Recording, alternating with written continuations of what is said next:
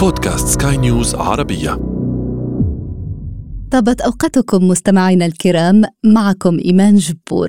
أرحب بكم في بودكاست الحياة رواية على سكاي نيوز عربية. في هذا العدد أحدثكم عن نساء ورجال القانون عن مهنة المحاماة كما جاء ذكرها في عدد من الروايات. متابعة طيبة. الحياة رواية.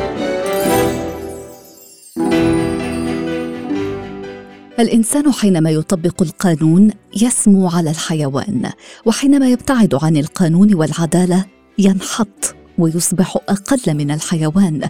وفق تعبير الفيلسوف اليوناني أرسطو وتحقيق العدالة والقانون مرتبط بسلطة القضاء وضمائر المحامين.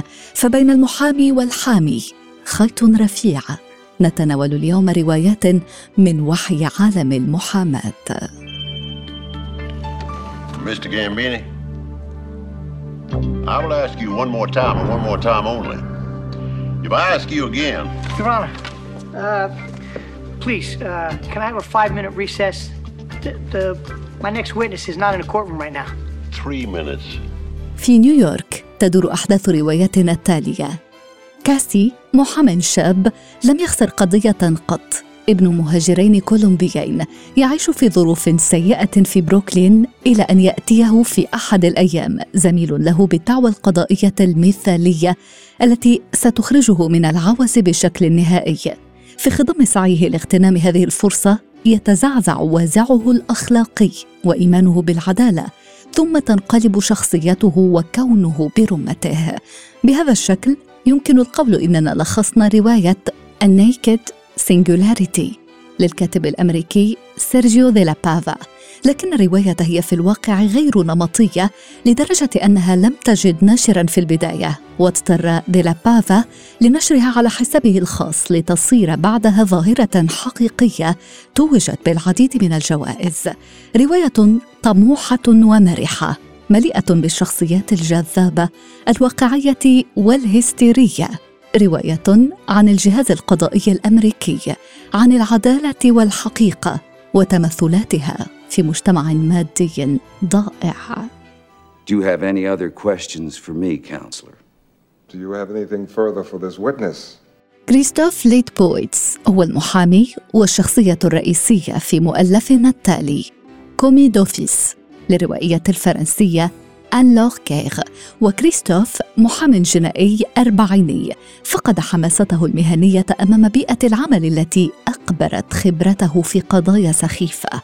في إحدى المرات خلال مرافعة شفوية يلاحظه محام ذو سمعة مثيرة للجدل. هذا الأخير يشغله معه في الدفاع عن مجرمين وأعضاء عصابات ويجعله يتذوق ثمار نجاحه. بين قوسين. لكن كريستوف لن يستغرق وقتا طويلا ليفهم غاية زميله وأنه سيقوده في نهاية المطاف إلى خلف القضبان. ونقرأ من الرواية أنا شخص لا يفكر بالعقل بل بسوء النية. لذا فإن مهنة المحاماة مصممة على المقاس. رواية عن يوميات المشهد القضائي عن شخصياته ودسائسه التي لا تخفى على المؤلفة. كونها هي الأخرى محامية جنائية وتصور هنا بيئة تعرفها تمام المعرفة. في العالم الذكوري للمحامين في نيويورك القرن التاسع عشر امرأة تحاول العثور على مكان لها. أونر للكاتبة الأمريكية لينسي تشيس. في أمريكا تلك الحقبة لم يكن مقبولا أن يكون للمرأة طموحات أخرى غير الزواج وإنجاب الأطفال لكن ذلك لا يثني أونورا إليوت. عن تحقيق رغبتها بأن تصير محامية. قرار اتخذته بعد إعدام والدها لجريمة لم يرتكبها. تكفلت بها عمتها الثرية وكانت تلك فرصتها. فشرعت في دراسة القانون وهي تعلم أن طريقها لن يكون خاليا من الشوك. من الإزدراء من سخرية زملائها وتثبيط أساتذتها حتى بعد تخرجها. ستواجه أونورا بابا مسدودا عندما ترفض كل مكاتب المحاماة توظيفها فلا يتبقى بيدها سوى حل واحد تأسيس مكتب خاص بها. تقول الكاتبة نظرت أونورا دون اندهاش إلى الطلاب الأربعة عشر في صف القانون الجنائي للأستاذ بلومفيلد وهم يدينون امرأة فقط لوجودها على أرض مخصصة للرجال. رواية عن كفاح امرأة لانتزاع العدالة من سطوة الذكورية. أونورا ستحظى في نهاية المطاف بالاعتراف بقيمتها وكفاءتها في مهنتها. الحياة رواية. وفي ختام هذا العدد أشكر لكم وفاءكم وطيب إصغائكم مستمعينا الكرام.